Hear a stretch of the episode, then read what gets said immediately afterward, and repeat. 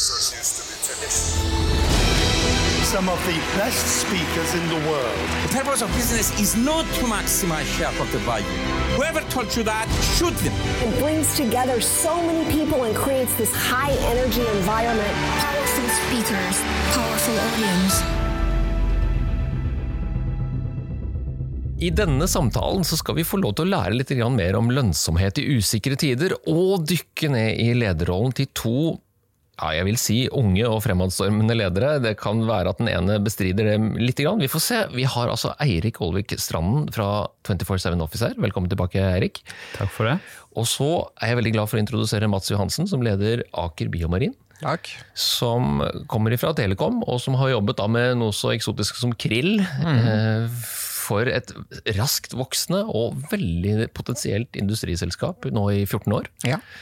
Sammen så skal vi da prøve å snakke litt om dette med usikkerhet og lønnsomhet, men først og fremst snakke om lederskap. Og få noen verktøy til å se på hvordan dere jobber med lederskap, og hvordan andre kan tenke rundt sitt lederskap. Så, og Eirik, vi har jo snakket om dette før. Nå har du to år i stolen i et raskt voksende software-selskap, egentlig, som jobber med og har ambisjon om å ha helintegrerte teknologiløsninger for økonomi og regnskap og rådgivning.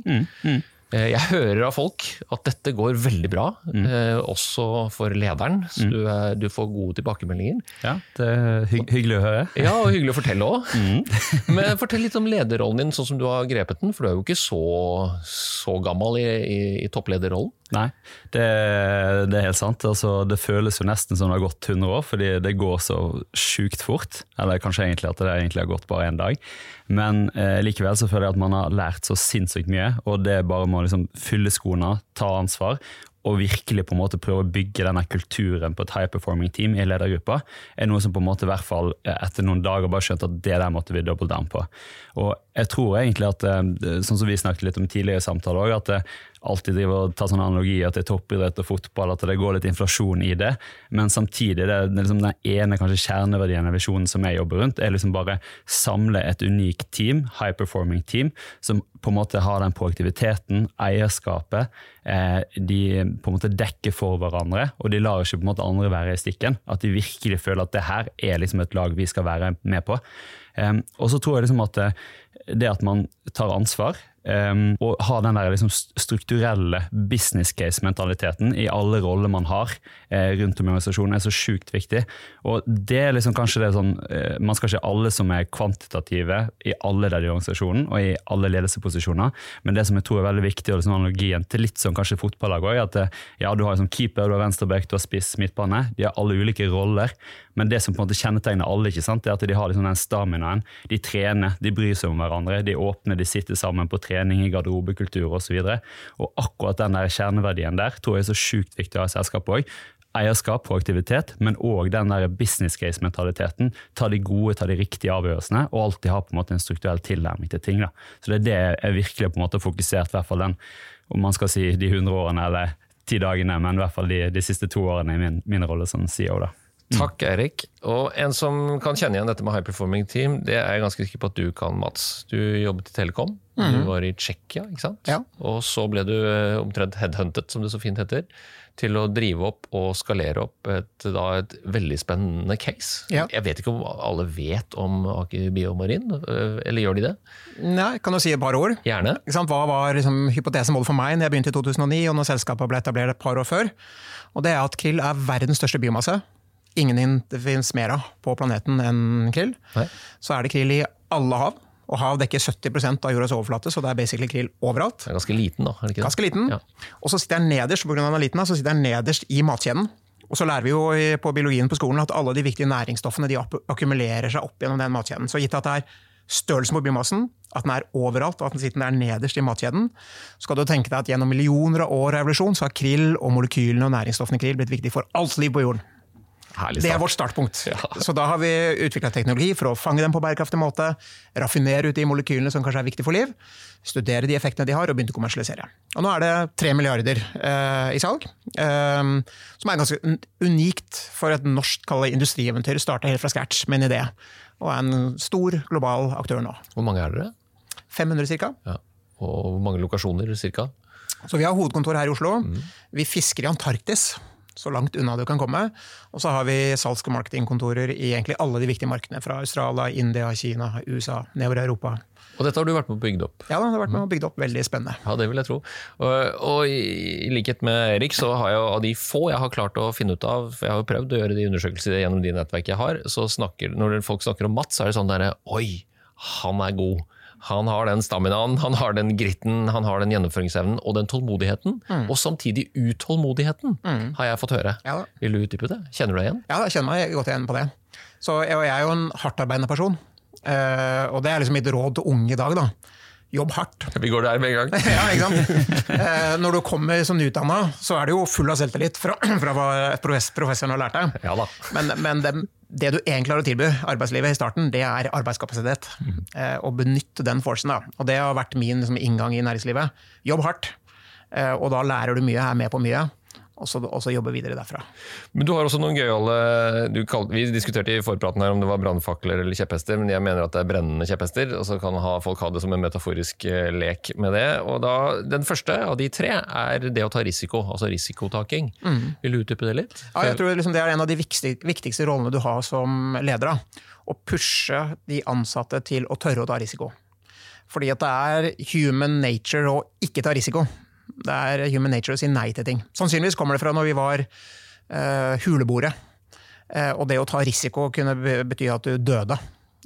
Men hvis vi fikk tak i masse ekstra mat, så hjalp det ikke, hadde, ikke noe kjøleskap å putte det i. Og forskning viser at vi mennesker vi verdsetter det å miste noe dobbelt så høyt som det å få noe. Og, og, og vi tenker jo ofte at vi- vi ledere vi er der for å holde igjen. Ikke sant? Og prioritere og på en måte passe på at vi ikke tar for mye risiko. Men jeg mener det er omvendt. da. Vi skal prøve å bære den risikoen på våre skuldre som, som ledere. Og hjelpe de ansatte til å bryte gjennom den human nature om å ikke tørre å gjøre ting. Erik, high performance-teamet ditt, dytter du de? Eller får du nå inspirasjon til å tenke at nå har du bra folk, kan jeg dytte de litt til? Ja, eh, nei, jeg er faktisk helt enig. Altså, det er så sjukt godt poeng det i forhold til å liksom, ta risiko, eh, være modig eh, og ta raske nok avgjørelser, store nok avgjørelser. Eh, det er tror jeg, liksom, i min erfaring at man kanskje skulle vært enda mer tidlig selv på i starten av lederrollen, men samtidig, altså, når du, du bare merker organisasjonen, du ser på avgjørelsene, kanskje de som skaper mest verdi, da, er ikke de der du liksom legger på en bit for bit for bit, for bit, og så forventer du at eh, noe magisk skal skje.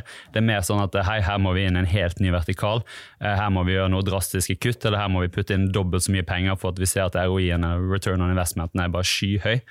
Eh, og jeg tror jo, eh, det du sier med liksom, litteratur og forskning, altså det, det finnes veldig mye eh, i hvert fall sånn ledelseforskning som er veldig sånn, hva skal man si, kvalitativt, og ikke så veldig sånn ok, her har vi faktisk stati- statistisk signifikante resultater, som er litt viktig for meg som kommer fra en statistisk bakgrunn. Men eh, en av de eh, siste bøkene som jeg tror en del eh, seniorpartnere i McKinsey sammen med MIT har forska på liksom, hva er det som kjennetegner liksom, de topp liksom, 1 CEO-ene i verden. Og jeg tror liksom, det de kom det største signifikante funnet det var det å liksom være bold, være modig, ta store nok avgjørelser ofte nok. Det som gjør at du på en måte ender lengst opp i den sånne høyre kvadranten eh, med både et suksessfullt selskap, eh, motiverte ansatte og selvfølgelig en kjempetilstedeværelse i markedet. Og så, og så bare følge opp på det, da. For jeg tror, ikke sant? Og den statistikken viser at det er jo det som kjennetegner de beste lederne, topplederne, at de er bold. Så tenker jeg at det er det som kjennetegner suksess, suksessfulle organisasjoner, hvor den enkelte ansatte tør å være bold. Og det kan jo være i en, en skala, en annen skala, men det å tørre å liksom ha mot da, til å gjøre noe som føles litt skummelt, og bygge kultur for det, det tror jeg er liksom helt alfa og omega for å lykkes i en sånn type oppstartsbedrift som vi er. da. Ja. Og så, så har du litt sånn, her analogien litt til sånne type eh, kan- finansielle opsjoner osv. At du kan alltid se på liksom, de som har størst volatilitet eller tar drastiske mest avgjørelser. De vil du enten kanskje ofte finne lengst øverst eller lengst nederst. på en måte. Ja eh, og så er det bare liksom, å bruke Det tror jeg liksom, til, til, til din mening òg, i forhold til liksom, bare bruk eh, erfaring, den innsikten og oversikten man har i lederposisjonen, til å pushe de på, måte, på de riktige risikoappetittene, og ikke de gale. Og da får du på en måte det resultatet. da. Um, og det tror jeg bare sånn, et eksempel for vår del i, i fjor, da, når vi så på en måte at eh, markedet gikk eh, feil vei. Eh, sånn, kapitalen ble mye dyrere. Eh, priser, inflasjoner, krig osv. Eh, gjorde at på en måte, oi, her må vi faktisk ta noen grep. Og jeg tror det liksom når, i hvert fall når jeg snakket med, med styret og, og eier osv. i fjor, så var det, liksom det som virkelig sang inn på oss, var når vi var på en eh, Pareto-konferanse og hørte på Petter Stordalen fortelle om liksom, hans inngang mot eh, covid. Eh, og det at liksom ja, nå skulle de bare gønne på og kjøre på, og så plutselig kom liksom disse nyhetene fra Kina. Liksom, hva betyr det her? Og bare som tromma sammen liksom, samtlige av liksom, de ledelsefolka, ekspertene i verden, hva er sånn, risikoen her? Og skjønte det at mest sannsynlig så kunne den nedsiden være sjukt høy. Og da tar de der, ikke vente liksom tre til seks måneder for å se den, mm. men være liksom i forkant av bølger. Mm. Eh, og det tror jeg liksom eh, igjen er alltid bare den der posisjonere seg riktig, sånn at du kan på en måte være med bølger istedenfor alltid sånn kave etter. Mm. Eh, for da blir du ikke bedre enn konkurrenten, og du slår i hvert fall ikke markedet. Mm. Mm. Jeg, tror, jeg, tror, mange er enig i dette med å ta risiko, og hvis det er riktig, som, og det tror jeg, som Erik sier, at det er bare en liten prosentandel som er der. Hvis man sitter der som leder eller mellomleder og har litt sånn inni seg en sånn eh, uforløst boldness, mm. og man har lyst til å komme fram der og teste ut noe, men merker litt sånn motstand og kanskje frykt i seg sjøl, mm. hvor begynner man hen, Mats? Altså, hvor var unge Mats Mats enn uh, før han fikk virkelig testa det å være litt modig? Ja da, uh, og, og, jeg gikk jo på trynet noen ganger i forhold til det. Aha. Så, uh, og det er jo et valg man må ta, om man er villig til det. Ja. Og det er jo dessverre sånn da, at det er ikke karrierefremmende generelt å ta risiko. Nei. I det hele tatt. Nei. Altså på generelt basis, sånn generelt råd. Sitt stille i båten, vent til du får en instruks. Det er et 40-årsperspektiv. Ja, så kan er... du kommer gjennom dette med å være helt rolig, og ingen har lagt merke til hva du holdt på med. Ja, men, det, men, men, men det er jo kjedelig, da. Mhm. Det, det, blir ikke så interessant arbeidsliv. Så du må, men du må jo, jeg, jeg vil si kanskje viktigste råd, du må se an sjefen din. Ja. Har du en, en, sjef som kan være tolerant, mm. og ønsker å liksom verdsette det at du tenker litt utenfor boksen og gjør, gjør de ting, så må du bare gønne på. Mm. Hvis, du ikke, hvis, du tror du ikke har det, så må du enten vurdere skal du bytte jobb, mm. eller så må du bare sitte stille i båten og så må du ta den, det den veien i arbeidslivet. Da. Mm. Ja, for Det er faktisk også Petter Stordalen sitat. Det eneste valget du egentlig tar, det er hvilken sjef du har. Ja. jeg synes, Av og til så minner jeg meg selv på det.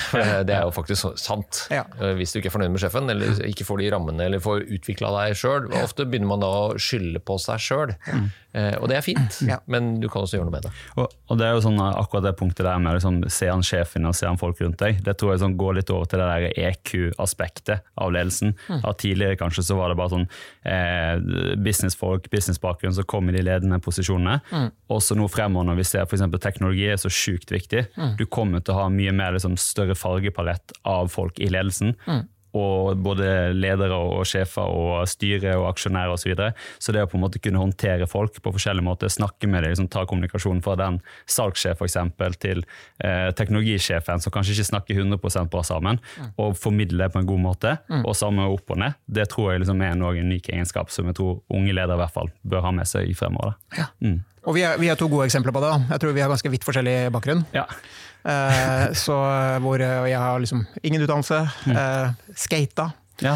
Uh, men lærte der, da, i mm. skating, skal du ha progresjon, så må du ta risiko. Mm.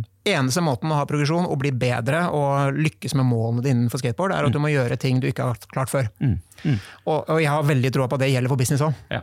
og, bare, bare, anerkjenne det.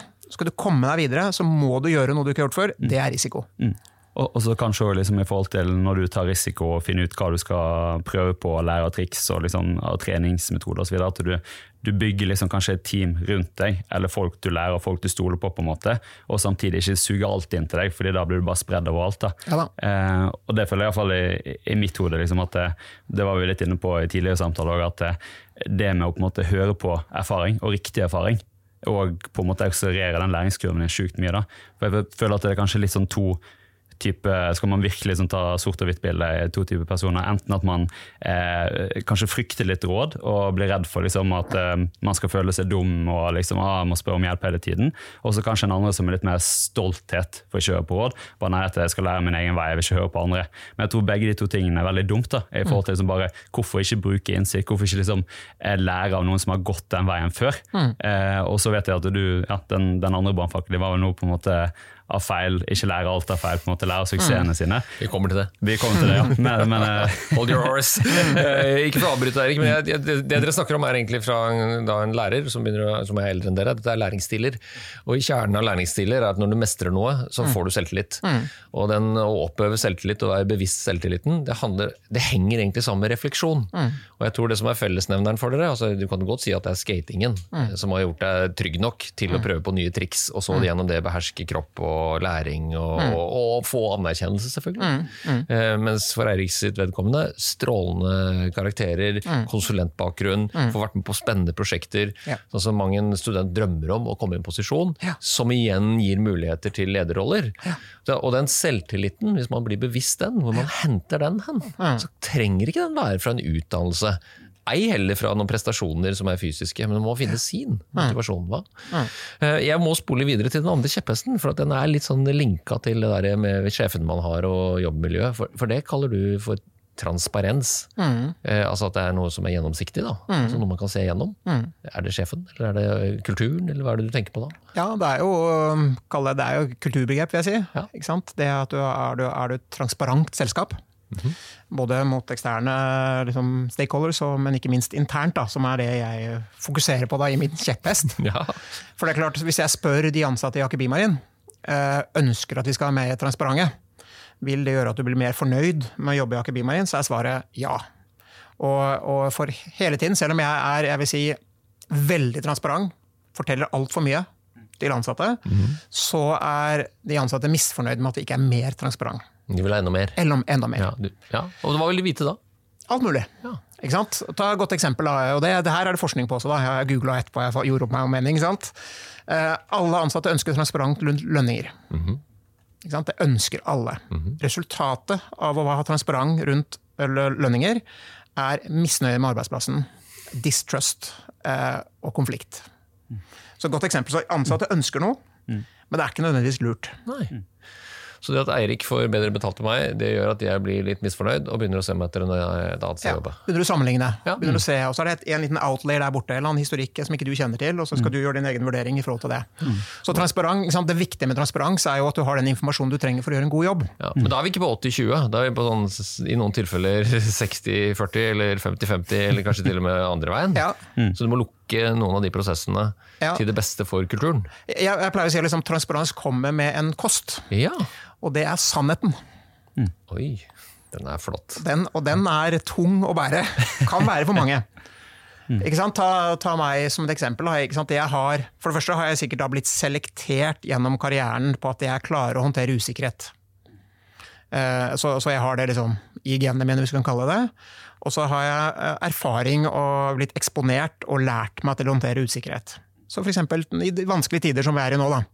Uh, usikkerheten du må kjenne på med en bedrift, og hvordan er kostnadene, og kommer inntektene til å gå opp eller ned, eller hvordan alt det der. Jeg er rusta til å håndtere den usikkerheten. Og la oss si den transparenten med å ha den sannheten.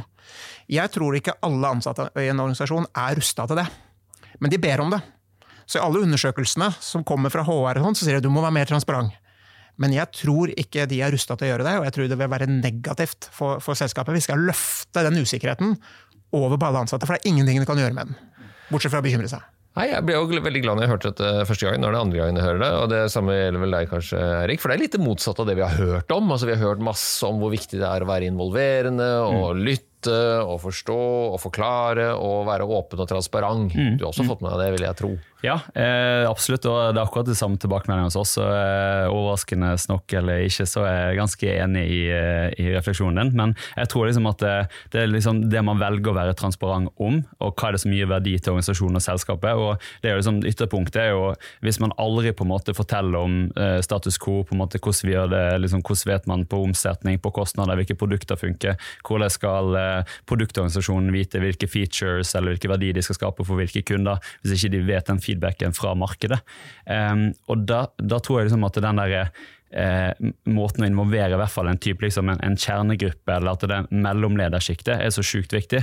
For der trenger man liksom de som pusher, skaper verdi, eh, og skjønner liksom hva er det vits å ta med videre, hva er det ikke som bare skaper støy. ikke sant? Så det, det er noe vi òg prøver å bygge virkelig sånn her, en fokus på og en læring på av den eh, middelmanagement hos 24, som da kan håndtere den usikkerheten, klare å reflektere oi, her kom det veldig mye inn. Jeg tror liksom det òg som sikkert kjennetegner deg og, og meg og, og mange andre folk òg, er bare den evnen til å på en måte ok, Hva er det virkelig som er essensen her? Hva er det som gir mening å ta videre? Og hva er det som folk kan bli motivert til å pushe med videre? da? Um, og så tror jeg på Et annet eksempel også, liksom, på det ytterpunktet det var jo også i, i fjor høst, egentlig, når vi begynte å se liksom, at oi, her må, må vi på en måte restrukturere litt i forhold til liksom, vi hadde for høyt kostnadsnivå.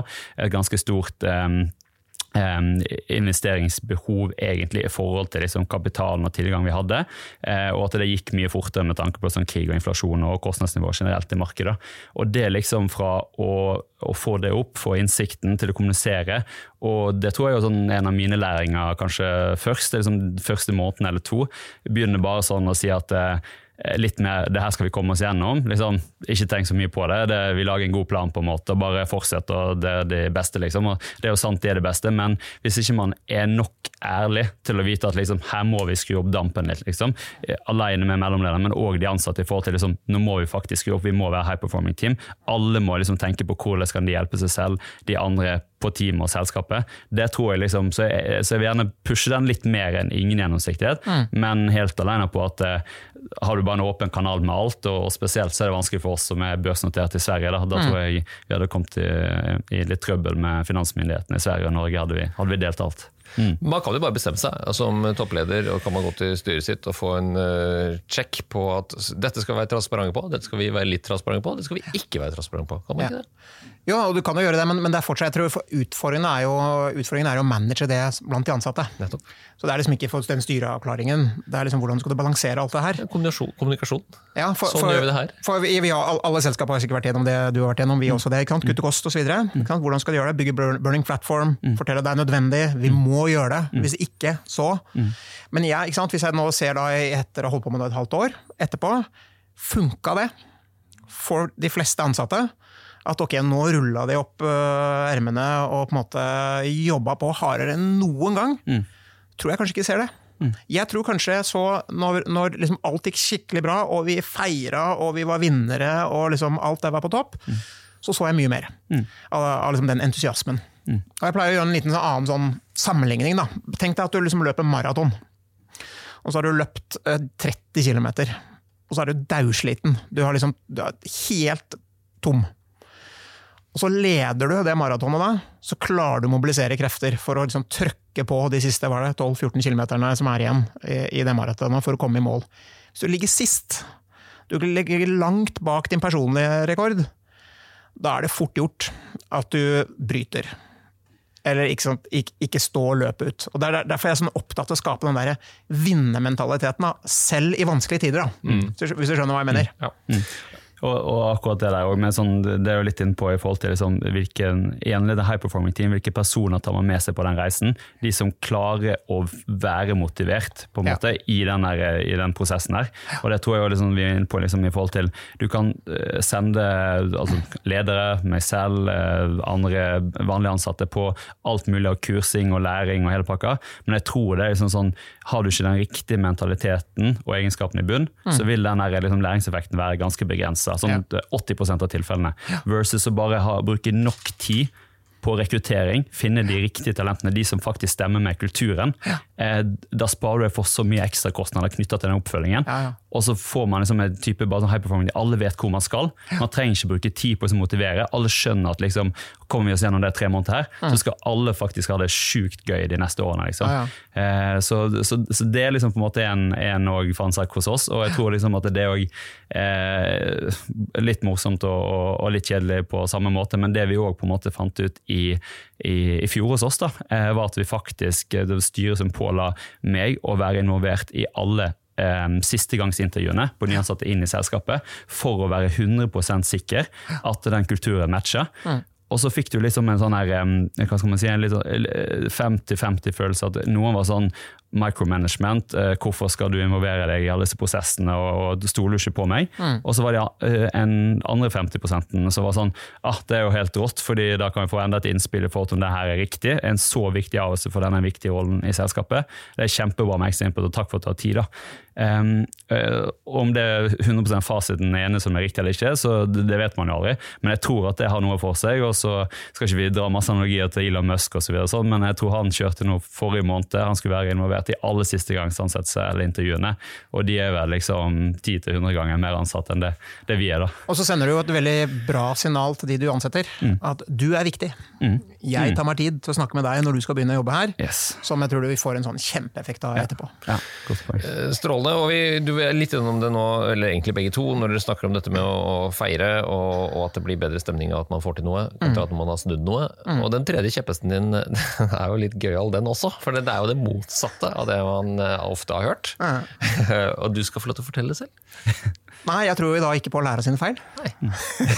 Så skateren som har gått i betongen mer enn tre Ja, ganger. jeg tror å lære på dine suksesser. Eksakt. Ikke sant? Eh, Men, men det er ikke sant, alle sier du må gå og lære dine, dine feil. Og, og, jeg, og jeg, jeg, kan, jeg kan jo kjenne meg inn som leder at det er litt tilfredsstillende på en måte å ta sånn lessons learned. Det er en slags straff i det, hvis hvis, hvis du skjønner hva jeg mener.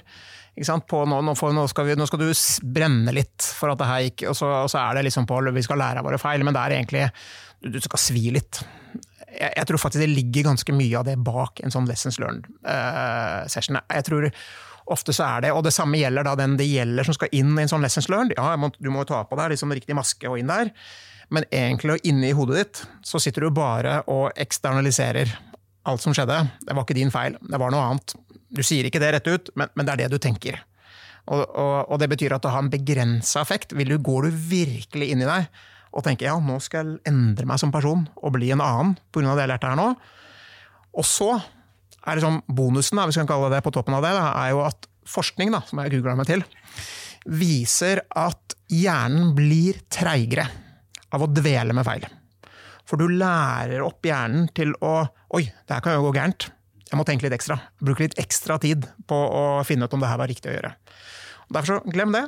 Heller bygge på de tingene vi faktisk fikk til. Hva var det vi gjorde riktig nå?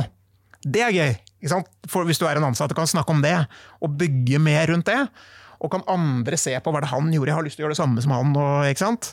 Det er egentlig den eh, siste brannfakkelen her, da. Helt strålende. Jeg blir veldig veldig glad. Hva tenker du, Erik?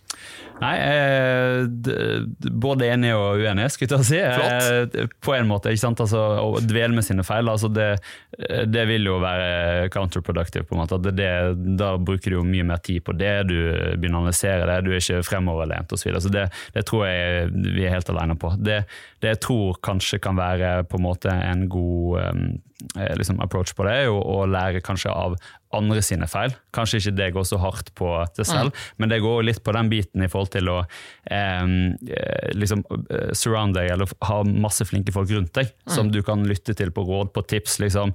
Eh, ok, Vi tenkte vi skulle lansere det produktet til markedet nå, og så bare nei, nei, det prøvde vi i eh, la oss si, Sverige for to år siden, og det du må huske på da, er som du må ha disse folka. Oi, det har jeg ikke, på en måte.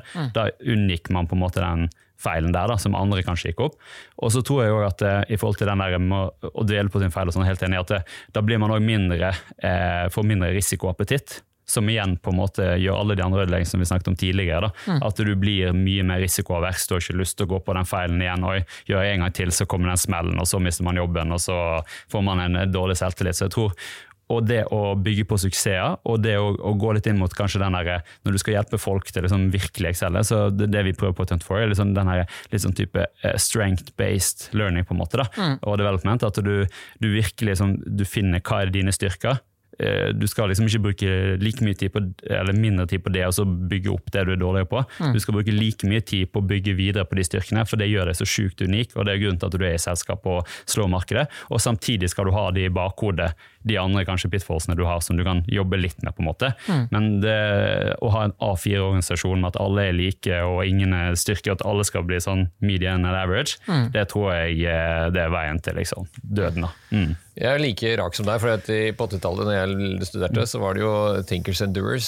Og det var den der å skjære igjennom og, og vise til handling, og ikke nødvendigvis overanalysere det. For jeg tror nok at i usikre tider så har vi en tendens til å overtenke. For vi blir redde for å trå feil, og det kan for deres vedkommende kan det få store konsekvenser. For selskapet, det er børsnotert begge to, det har uh, alvorlige roller som folk eh, er avhengig av at, at dere noenlunde er sånn vater opp til at dere ikke kommer inn på kontoret en dag og plutselig skal, nå skal vi den helt andre veien. Så jeg, jeg vet ikke om dere reflekterer over det der med, og jeg er jo enig med deg, dette med suksessene. Men så kan man jo finne suksessene. Eirik var litt innom det i sted, i starten der, med det, de, de lavest hengende fruktene og alt det der. Klarer du det? Er, eller er du avhengig av folk rundt deg da, til å identifisere de? Og i så fall hvem? Suksessene, mener du? Ja, At Ja, du ser det- at dette kan bli en suksess. Det, det har jo litt med kultur å gjøre, det òg. At du bygger en kultur for å feire Da, og løfte opp suksess. Um, så, så, så det ligger mye der. Og så klart, nå er jeg fortsatt, selv om vi har 500 ansatte, så er det fort, og jeg er fortsatt såpass hands on at jeg vet det meste som skjer.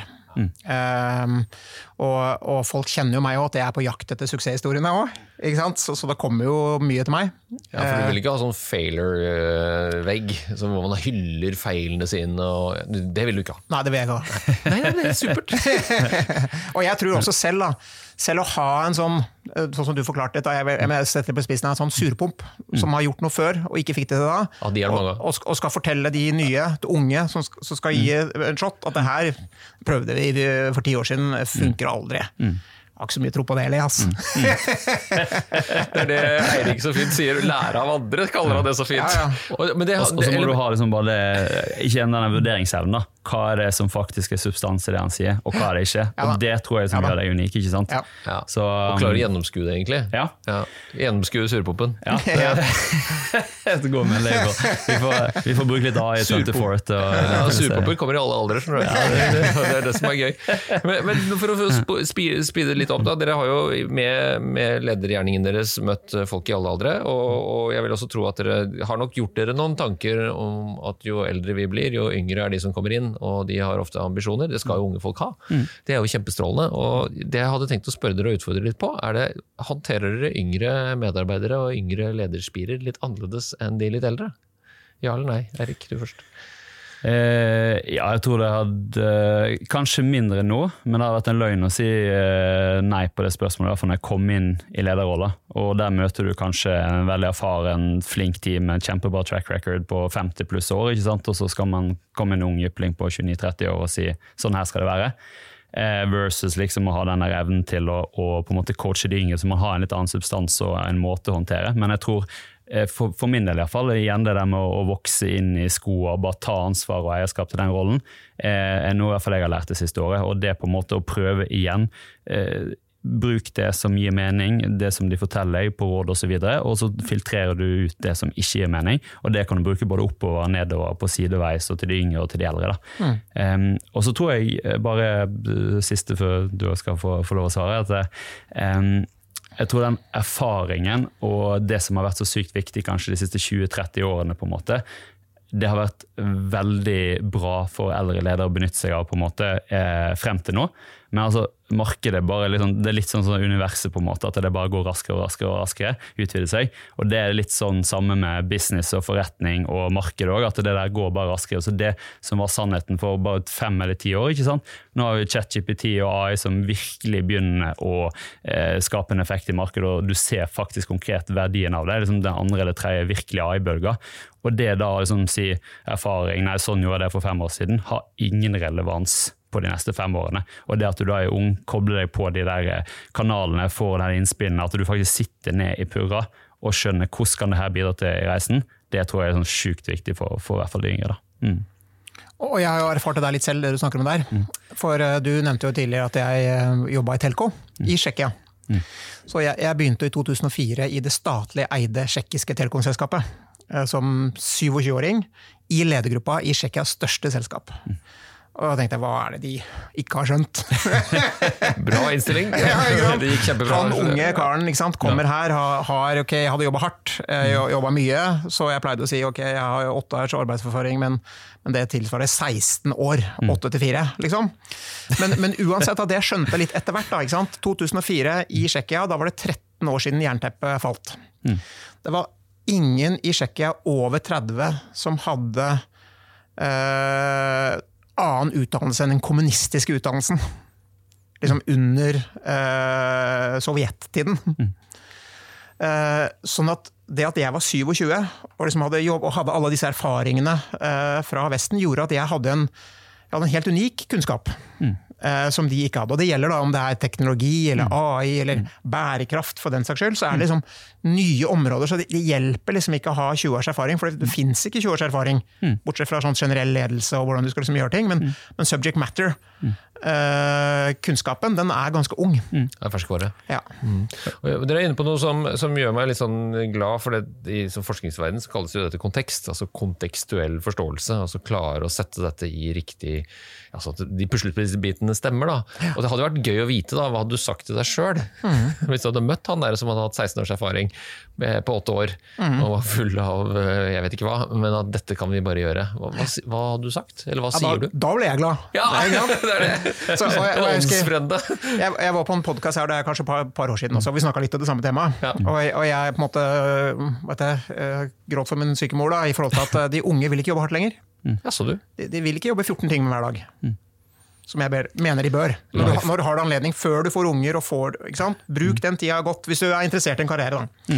Men, men uansett, så jeg sa det, jeg var veldig skuffa over unge som ikke er villige til å jobbe så hardt. Så fikk jeg mail altså et par dager etterpå fra en kar. Jeg er villig til å jobbe hardt. Vil du ansette meg? Gjorde du det? Det gjorde jeg. Og dette er jo en, en, det er jo veldig sånn direkte og forfriskende stemme i denne ofte litt sånn åh, velmenende, men litt sånn, det går litt sakte med utviklingen av definisjon av ledelse, syns jeg noen ganger, Erik. Og det er jo fint at man prøver å sette vanskelige ord på det og ta med seg lederforskningen, særlig fra utlandet, for vi har en tendens til å lese utlendingers bruksanvisninger. Mens det dere driver med, er jo å prøve å, å lage noe som er såpass unikt, men samtidig også såpass generelt at alle kan bruke det og ha nytte av det. Kjenner du på helt sånn personlig at din rolle er viktig oppi dette her?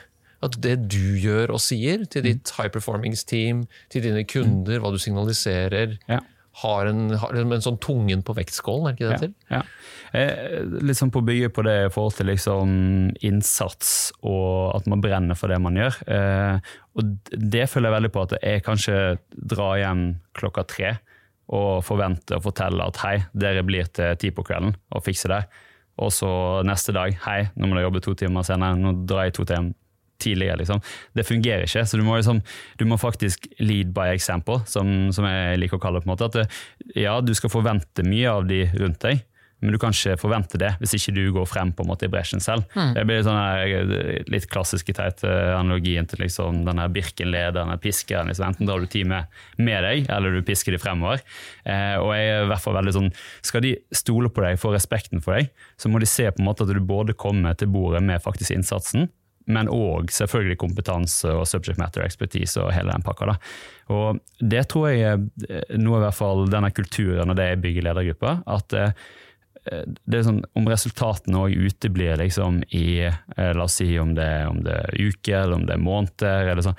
Så lenge innsatsen er der, og man gjør alt man kan, da kan man jo hjelpe. Liksom, ok, Har du prøvd det, har du prøvd det? Mm. nei, pga. det så funka ikke det. Men ok, men test det her, da. Og så lenge innsatsen er der, da viser du i hvert fall for meg at liksom, du tar eierskap, du har riktig mindset. Og så kan man bygge på i forhold til skillset og erfaring osv.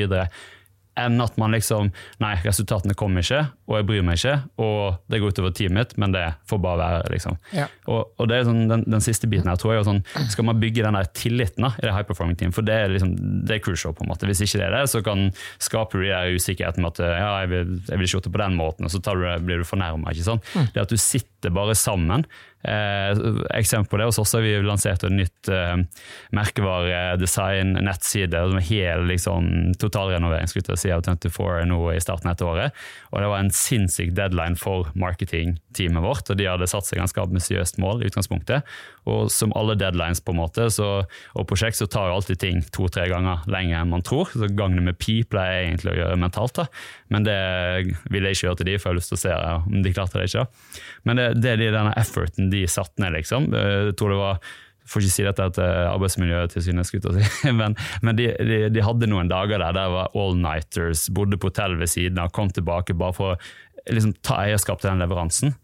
Og etter den leveransen så bare ja, vi fikk ut det, det var dritbra. Men det der kulturen du bygger i teamet, hvordan de kjenner hverandre, hvor mye drittsnakk de sikkert har snakket om ledelsen og styret, men samtidig hvor gøy det er å se resultatet etterpå, det er det, tror jeg, som bygger både kultur og ekspertise i feltet ditt. liksom. Mm. Ja, Det er et godt eksempel på at man skal pushe teamet sitt, og, og kanskje kan gjøre folk til Jeg synes Noen ganger at det der high performing team er litt utfordrende, for man skal jo legge den innsatsen som man til enhver tid også kan stille med. Og så er det jo, det vet vi jo, altså yngre, litt overambisiøse folk kan jo få overslag. Og da går inn i den berømmelige veggen sin. Men det kan, dette gjelder jo også eldre arbeidstakere. Som jo har den, som jeg opplever at du er opptatt av, den der kompetansen som man kan lære av. Så trenger man ikke repetere det. Men jeg tror akkurat på den der igjen med å gå på veggen og sånt, sånn i, i mitt hode, så har jeg jo hatt eh, skal til å si, jeg har verdens beste jobb nå, som sier, og du kombinerer strategi og teknologi og business og møter folk. Men noen av de beste opplevelsene jeg har hatt, og verste opplevelsene jeg har hatt, har jeg også hatt i BCG. Eh, der du har knallhardt press og leveranse og stressnivå ut av milde helsingen, liksom. Men eh, det at liksom, det som forskjellen har vært på de ulike opplevelsene, at det, det har egentlig vært samme innsats og krav og leveranse, men det som har gjort at liksom, følelsesmessig du har vært on topp eller bare kava rundt eh, tilbake, det har vært den tilliten og trusten i teamet. Der du har liksom i mitt hode iallfall, mentaliteten i Norden er noe helt annet enn det når du reiser rundt i andre steder av verden. På godt og vondt, selvfølgelig. Man tror vi har godt av å bli pusha, men det der med liksom sånn ja, jeg vet det er et helsike, på en måte, men vi står i sammen med det. Det er ikke sånn jeg stikker og du gjør det. liksom. Det her er vi et team. Det er i hvert fall for, for min del liksom, det som eh, egentlig gjør at du blir pusha med mot veggen. Eller at ja, det her var en drittopplevelse, men vi hadde det gøy sammen, og så er vi klar for neste. liksom. Og, og det er nok mer det, da. ikke sant? Den, den det det som skjer rundt en aksje arbeidstimer som gjør at du møter veggen. Ikke sant? Det er den usikkerheten, det at du ikke blir respektert og at du ikke får ting til. Ja. Jeg hadde jo et, eh, tok, inviterte Bjørgen Stensbøl på kontoret for å snakke til de ansatte for eh, et par år siden. Han etablerte jo Olympiatoppen eh, back in the days. Det var vel etter Cal. 1988. Jeg Ja, har også snakket med Børge resten Ja, der. sant? Veldig fin fyr. Veldig fin fyr, og, og en veldig god analyse. Veldig enkel og god analyse han gjorde etter Calgary OL. Hva vi fikk? Tre medaljer igjen, eller hva det var? Ingenting, i hvert fall. Reiste rundt, snakka med tysklandslaget. Snakket med utlendingene, rett og slett. Ja, hva gjør de annerledes enn norske? Lærte av de beste. Ja. Trente dobbelt så mye som nordmennene. Og, og jeg tror det gjelder arbeidslivet òg, da. Sant? Aha. jo, man har jo en analogi til, som er kanskje enda bedre enn det å trene hardere. Vet du hva det er med Bjørge? Ikke for å ødelegge poenget ditt. Det er at du, når du er på toppen, Ja. det er da nedturen starter. Ja, ja, ja. Og det er så vakkert sagt. For man kan jo også bli litt høy på seg selv. Mhm. I et sånn high performance-miljø, og man får til ting, liksom, man feirer suksessene sine. Og det er jo da man må legge på en ny. Og det er det bare de aller færreste som klarer. Apropos den 1 Og jeg tror han er, Det er mye å lære av både Olympiatoppen og den der innsats og trening og riktig trening. ja. Ikke bare trening for treningens skyld. Det, da blir man hva er det heter, overtrent. Men, men, og, og det er ikke bare, ikke sant? du må balansere det riktig, da, men, men det, er jo, det er jo ingen som blir verdensmester gjennom å ha work-life balance. Eh, training life balance. Nå ødelegger du drømmen til mange unge mennesker. Dessverre, da. Så man må være ærlig på det. Og så kan man si at ok, men da, det handler ikke bare det handler ikke bare om å gjøre det bra. Ikke sant? Men, men, men, men vil du ha mest mulig suksess, så kan du ikke ha work-life balance. Nei, Jeg tror jeg skal avspise deg, og jeg er jo enig med deg, og det tror jeg Eirik er òg, men vi må være litt sånn, vi må være litt ærlige med folk. og det Pussig nok, vi skulle snakke om lønnsomhet og usikre tider, og ledelse selvfølgelig, og vi ender opp å snakke egentlig mye om kultur, og kulturen man bygger, og som ledestjerne som man er som leder, så er jo de ordene man sier, og de handlingene man utfører, viktig for å lede gjennom eksempelet, motivere gjennom å stå opp om morgenen og stille opp for folka sine, og høre på dem når de har utfordringer.